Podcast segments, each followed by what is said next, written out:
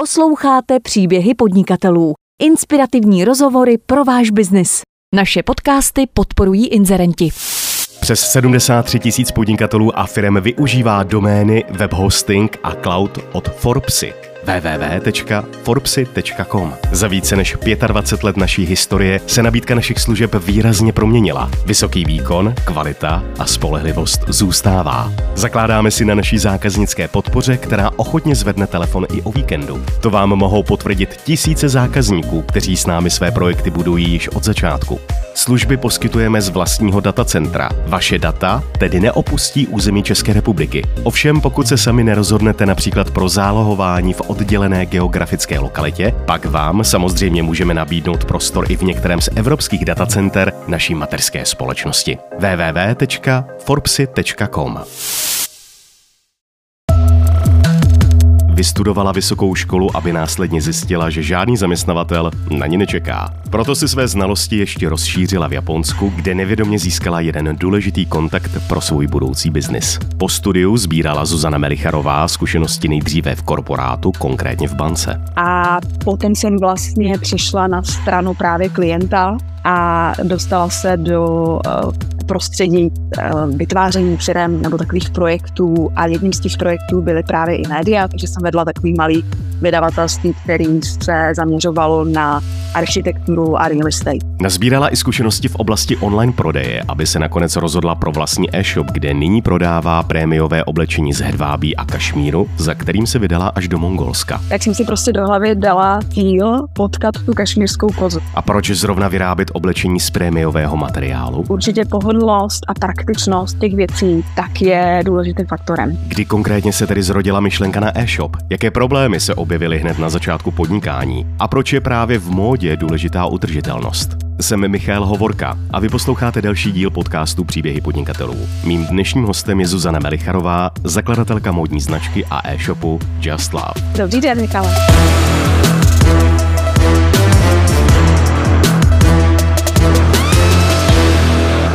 Zuzano, vaše značka existuje teprve dva roky, než se přiblížíme k jejímu vzniku. Řekněte nám nejdříve něco o vašem studiu. Všiml jsem si totiž, že kromě České republiky jste studovala až v Japonsku. Co vás k tomu motivovalo? No, eh, já to zkusím teď spíš nějak stručně. Já jsem úplně původně vystudovaná lingvistka, což je Karlova univerzita. A pak, když jsem vykráčela teda z Karlovy univerzity s tím diplomem, pak jsem zjistila, že na mě jako nikdo nečeká a že je potřeba ve světě jako uh, vydělávat peníze, abych ještě užíval, což s tou filozofickou fakultou není úplně jednoduchý. Takže z toho vznikla myšlenka na MBA, což je vlastně takový dobrý nástroj, a taková rychlokvaška na uh, moderní ekonomii. Hledala jsem tu správnou školu, chtěla jsem uh, primárně někam do Ameriky na Harvardy a podobně, tam mě nevzali, takže jsem si říkala, vezmu to trošku jinak, uh, půjdu do Ázie a potom vlastně na výměný semestr někam na nějakou školu do Ameriky. A našla jsem Japonsko, který mi přišlo, že tak jako tam bych zvládla žít, plus dostala jsem tam stipendium, což hodně vlastně pomůže takže jsem se nakonec rozhodla pro tuhle tu cestu a strávila jsem vlastně dva roky v Japonsku. Doplňala jsem vzdělání a trošku zjistila, jak se žije jinde. Jak je na tom vaše japonština? A ty špatně, doufám, že nemluvíte japonsky. Uh, ne, tak jako učila jsem se japonsky, to studium bylo v angličtině, jinak bych to samozřejmě nadala. A byla jsem vlastně schopná po těch dvou letech nějaký základní konverzace, ale jakmile netrénujete jazyk, tak samozřejmě tu schopnost ztrácíte. Nicméně když potkám nějakého Japonce a řeknu těch pár frází, tak to většinou úplně stačí. Než jste se vrhla do víru podnikání, pracovala jste také v bankovním sektoru a v oblasti médií. Na co konkrétně jste se v tomto sektoru zaměřovala? Tak uh, ono to souvisí vlastně s tím Japonskem, kde jsem se v rámci MBA koncentrovala na uh, finance, takže ta cesta do banky byla celkem logická. Já jsem začínala v korporátu, teda korporátní bankovnictví, kde že se staráte o firmy, portfoliu jsem právě měla japonské firmy, tak mi to tak nějak dávalo smysl to studium. Potom jsem se ale přesunula eh, na stranu investorů, znamená fyzických osob, eh, kterým jsem vlastně zařizovala portfolie, starala se o jejich investice a potom jsem vlastně přišla na stranu právě klienta a dostala se do eh, prostředí vytváření firm nebo takových projektů a jedním z těch projektů byly právě i média, takže jsem vedla takový malý vydavatelství, který se zaměřovalo na architekturu a real estate. Už jste ale také maminkou. Mateřství vám rozšířilo hodně obzory a posunulo vás to k zásadnímu milníku a tím je právě vlastní biznis. Kdy tedy vznikla značka Just Love a co vás k jejímu vzniku motivovalo? No, maminkou určitě jsem. Myslím si, že to je, nebo aspoň pro mě to bylo zcela zásadní v mém životě, kdy se mi tak jako srovnaly ty hodnoty. A myslím si, že to tak jako hezky uh, mě ukotvilo, že před tím člověk uh, jako neví, kdo je a kam kráčí a tady je to jako jasný, že aspoň dvě věci jsem na světě jako udělala fakt dobře. A to jsou ty dvě děti. A nicméně k tomu podnikání, uh, myslím si, že to byla taková jako dlouhodobější cesta, kdy někde vzadu v hlavě jsem vždycky měla, že se chci stát jako Steven Jobsem. A uh, pak když pak když uh, jako se běžela čtyřicítka, což byl právě minulý rok, uh, tak jsem si řekla, jo, tak buď teď, anebo nikdy. Takže to byl takový jako pressure i věkový, kdy všude kolem sebe máte těch 30 po 30, tak to jsem si říkala, jak to nestihnou, ale Christian Dior taky měl první přehlídku, když mu bylo 42. Možná jako to je ještě zvladatelný. A tím impulzem bych řekla, byla zkušenost v rohlíku, kde jsem pracovala uh, na uh, jednom projektu a byla to vlastně úplně skvělá zkušenost, když jsem se setkala s e-commerce pochopila jsem trošku, co ta e-commerce je. Tam bylo spíš to nasměrování v tom, že jsem si uvědomila a po strašně moc letech jsem si odpověděla na otázku, jestli to, co děláme, skutečně jako 100% to, co dělat chci. Myslím si, že vlastně my dospělí tak nějak se strašně dlouho učíme, jak potlačovat vlastně ty své emoce a ty své potřeby a pocity. Tohle bylo takový jako moment, kdy se mě Tomáš Čupra na tuhle otázku zeptal, jestli to, co děláme, fakt to, co dělat chci. A já jsem si prostě odpověděla, že vlastně ne. Takže uh, vzpomněla jsem si na jako svoji vášeň, což je ta voda. Myslím si, že my ženy k tomu máme jako relativně blízko. A já vždycky, když jsem se kolem toho nějak pohybovala, tak jsem se dostávala do takového toho flow. A to víte prostě, že to je to, to je to správné, to je to, co chcete dělat. Just Love je tedy módní značka a všiml jsem si, že materiálově se zaměřujete primárně na kašmír, což je velmi prémiový materiál. Máte k němu osobně sama blízko? No tak určitě, protože ho denně nosím, ale to musíte, bohužel musíte všechny ty materiály nosit, které prodáváte, ne? to si dělám samozřejmě legraci. Uh, no, ono to spíš vlastně celý začalo, takže jsem chtěla uh, vyrábět z přírodních materiálů, takže nejenom kašmír. Tam zatím je celá jako taková, takový mentální jako uh, příběh, který jsem si prošla, jsem se snažila o těch věcech si co nejvíc nastudovat, protože já nejsem žádný uh, vystudovaný návrhář ani technolog a bankéř těmhle těm věcem úplně jakoby nerozumí, takže vlastně mi trvalo zhruba rok, uh, než jsem si tyhle ty věci nějak jako doplnila a pořád jsem někde na začátku. Ty přírodní materiály souvisí s tím, že jedním z principů, který je popsaný i v našem manifestu, je to, že všechno, co vyrobíme, tak by si mělo dát poměrně jednoduše zrecyklovat. A přírodní materiály, pokud máte 100%, to znamená, že nejsou míšen s nějakýma syntetickými materiály, tak vlastně velmi jednoduše zrecyklujete. Tak tohle to byla ta základní myšlenka. A, takže já jsem chtěla primárně vyrábět z organické bavlny, hedvábí. Ten kašmír vlastně přišel až trochu později. A přišel vlastně tak nějak náhodou, protože prvotně jsem začala výrobu v Portugalsku. Proč Portugalsko? Jak jste se dostala k výrobě v Portugalsku? Teď je to opravdu daleko a ta komunikace určitě s těmi dodavateli nebyla jednoduchá. No, já jsem takový uh, spontánní typ, takže tak jak jsem skončila ze dne na den v rohlíku a vrhla jsem se prostě do podnikání, což bych nedoporučovala nikomu, podle mě je mnohem lepší uh, se tak jako pozvolna na to připravovat a nepodřezat si všechny větve. Tak uh, jsem vlastně uh, zkoumala, kde teda budu vyrábět, protože jsem chtěla vlastně zahrnout celý ten proces, nejenom někde nakoupit nutové výrobky a ty prodávat. Chtěla jsem nejdřív vyrábět v Čechách, protože uh, ty principy udržitelnosti vám říkají, že byste měl to držet lokálně, že sorsovat, vyrábět, prodávat lokálně.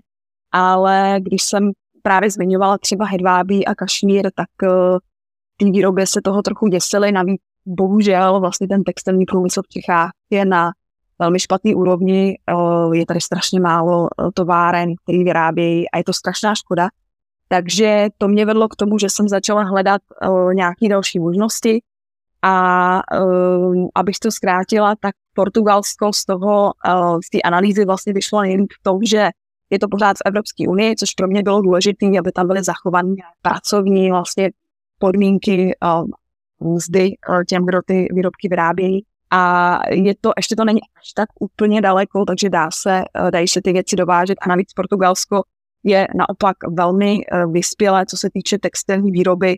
Vyrábí tam spoustu světových značek, takže ta kvalita je velmi vysoká, tak proto Portugalsko. A já jsem se tam vydala, že jsem se prostě sebrala, dojela, doletěla tam a v té půjčovně zjistíte, že nemáte ten řidičák ale uh, prostě to zoufalství z vás prostě nějakou, jako, nějaký ten příběh, který potřebujete říct té paní, která tam naproti vám sedí. Takže ona mi říkala, hele, jako nikdy jsem tě neviděla, tady máš auto, když tě chytí policajti, řekni, že jsi to ztratila v ten moment a jeď. Takže já jsem, já jsem takhle vlastně bez toho řidičáku asi pět dní uh, jezdila severem Portugalska, objížděla ty továrny a nakonec našla ty správní dodavatele. Každopádně, co se týká výroby, tak výroba je jedna věc, ale móda je hlavně o tom, jak to oblečení vypadá, jak je vkusné a tak dále. To si všechno navrhujete sama, nebo jste přizvala ke spolupráci nějaké modní návrháře?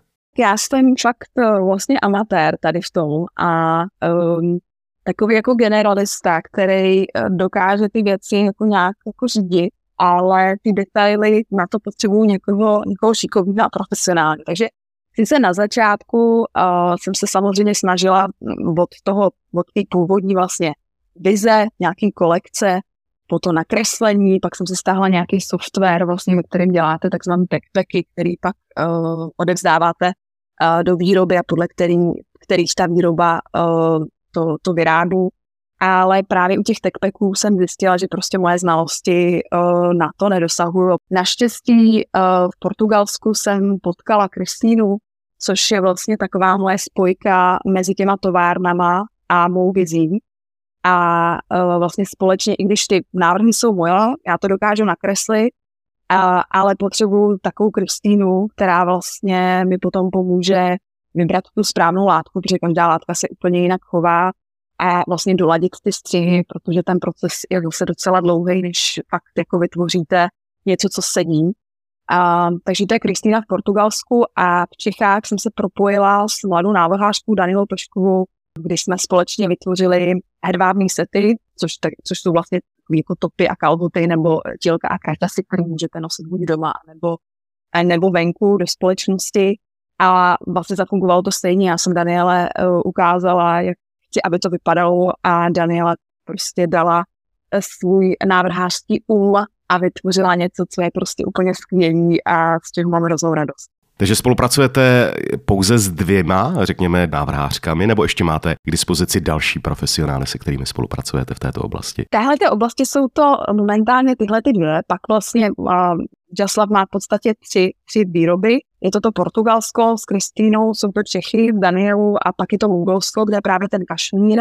Jak jsem zmínila to Portugalsko, tak tam byl vlastně první uh, takový jako zádrhel na začátku podnikání, kdy po zhruba třech, čtyřech měsících, kdy jsem tam naposílala všechny peníze do výroby, tak jsem vlastně neměla vyrobenou vůbec nic, což bylo jako velmi frustrující. A to si tak jako říkáte, tak já jsem jako vykráčela z toho korporátu, tady prostě edukovaná a bankéřka, která si to umí spočítat. A tady první prostě eh, partner a já mu naletím, že jo, že nejsou ani peníze, ani produkt. A navíc prostě sedíte tady v Praze a vlastně v těch zoomech úplně jako nedokážete tu situaci ovlivnit a oni vám říkají, že to bude za měsíc a pak zase za další měsíc. Ono to totiž bylo, když se na to zpětně koukám, tak vlastně uh, to všechno dávalo smysl, protože to bylo mm, v, ro- v roce vlastně 22, uh, kdy sice u nás ještě, nebo už covid nebyl, ale Čína byla zavřená a to je takový ten efekt motýlých křídel, kdy si říkáte, no a co, že Čína zavřená, ale ono bohužel uh, vlastně všechny ty světové,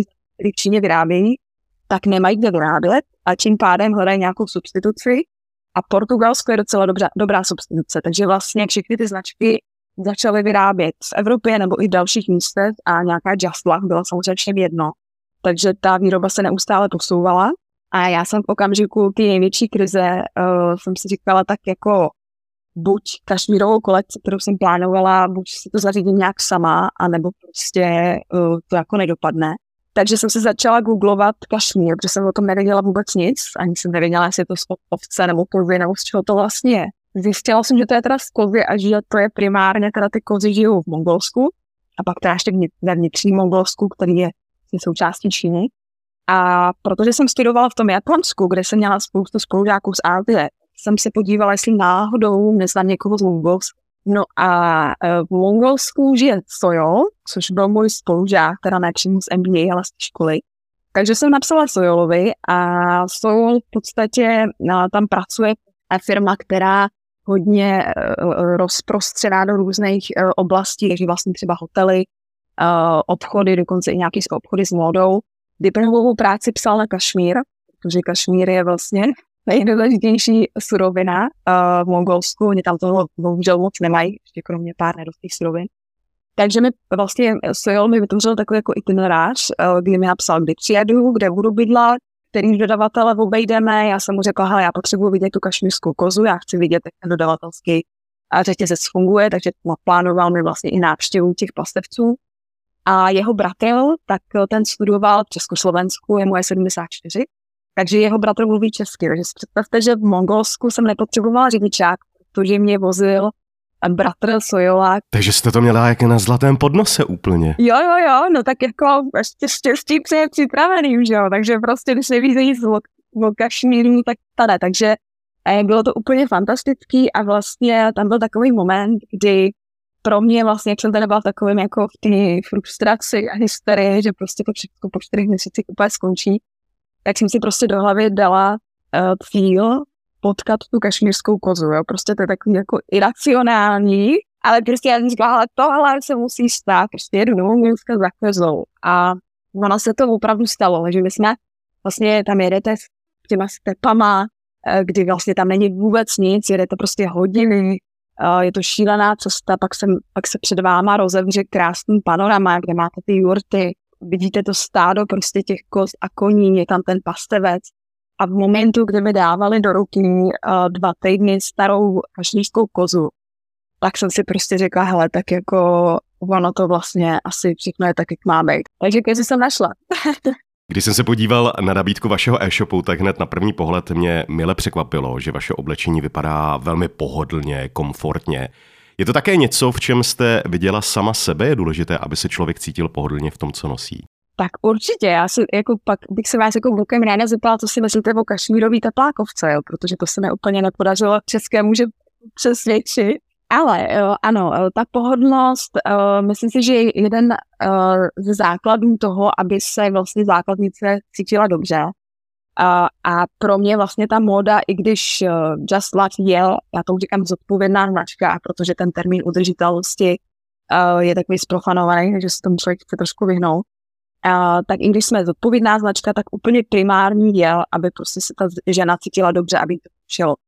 A když na sobě máte něco, co sice vypadá dobře, ale necítíte se v tom, tak to prostě nemá ten efekt. Takže určitě pohodlnost a praktičnost těch věcí tak je důležitým faktorem. Zaměřujete se pouze na české zákazníky nebo už oslovujete zákazníky i mimo naše hranice? Teď jsou ve fázi, kdy samozřejmě 98% našich zákazníků jsou Češi, ale uh, objevuje se tam už uh, Slovensko, což je takový logický krok, takže ten slovenský trh beru jako takovou přirozenou součást a pomalu se připravuju i na oslovování dalších zemí, takže určitě ta expanze je v plánu, ale uh, myslím si, že potřebuji ještě zapracovat na těch domácích trzích a to beru Čechy i Slovensko dohromady. Jakou cestu marketingu jste zvolila, co vám funguje nejvíce, kde oslovujete své nové potenciální zákazníky?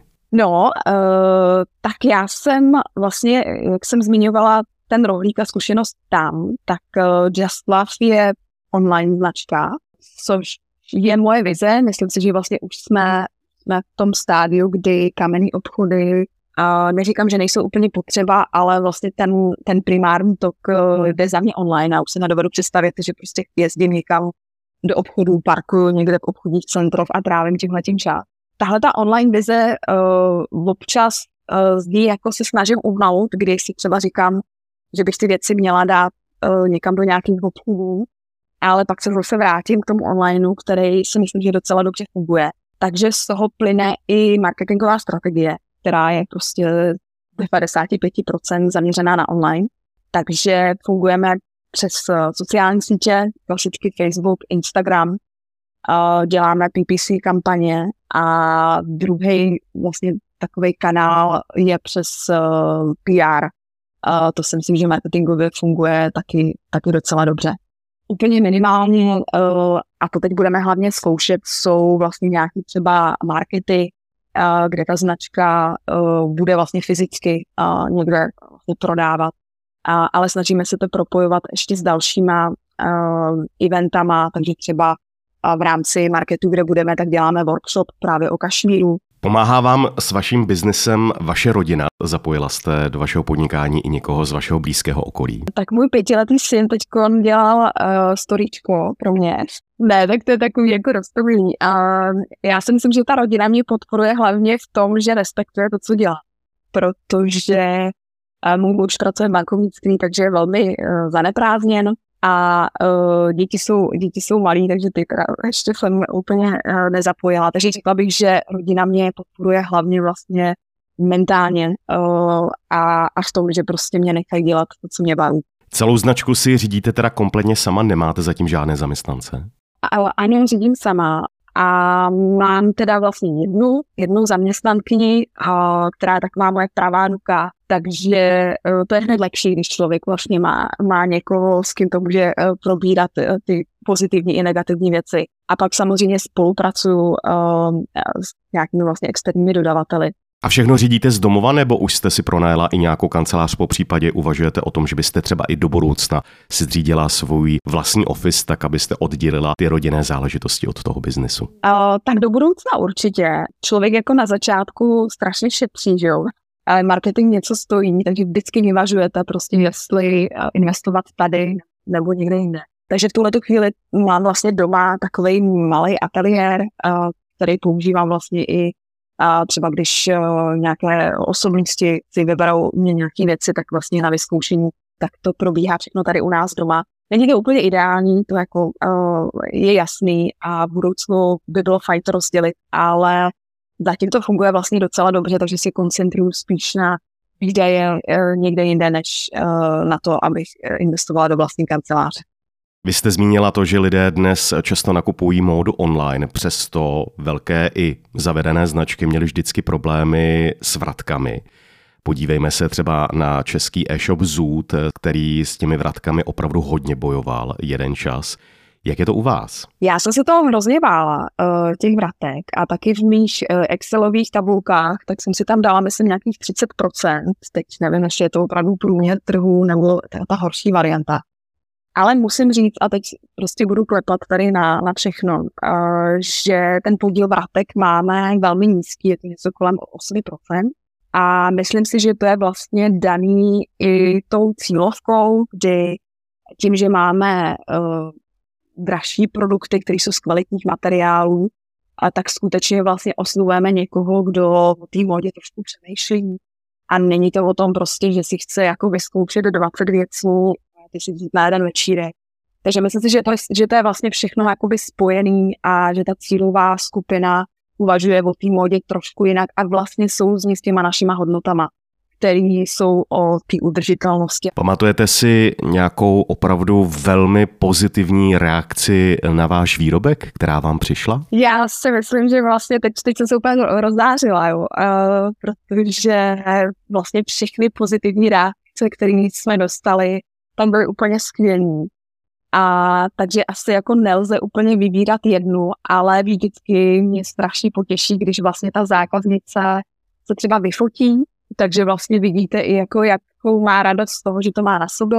A pak ještě můžu zmínit, to, jsme, to vlastně byla jedna zákaznice, která uh, mi fotila vlastně, um, že třikrát, tři, třikrát objednávala vždycky, poslala mi tahovku krásnou. Tak uh, ještě to byl vlastně jeden manželský pár, který mi vlastně oba poslali děkovný e-mail, dlouhý, strašně krásný, takže tohle jsou asi dvě, který, na které si teď jako vzpomínám, ale jinak ty reakce pozitivní, je jich hodně musím říct a jsou úplně skvělý. Hostem serveru podnikatel.cz a podcastu Příběhy podnikatelů byla Zuzana Melicharová, zakladatelka modní značky AEŠ Just Děkuji vám za rozhovor a mějte hezký den. Já děkuji, naschle.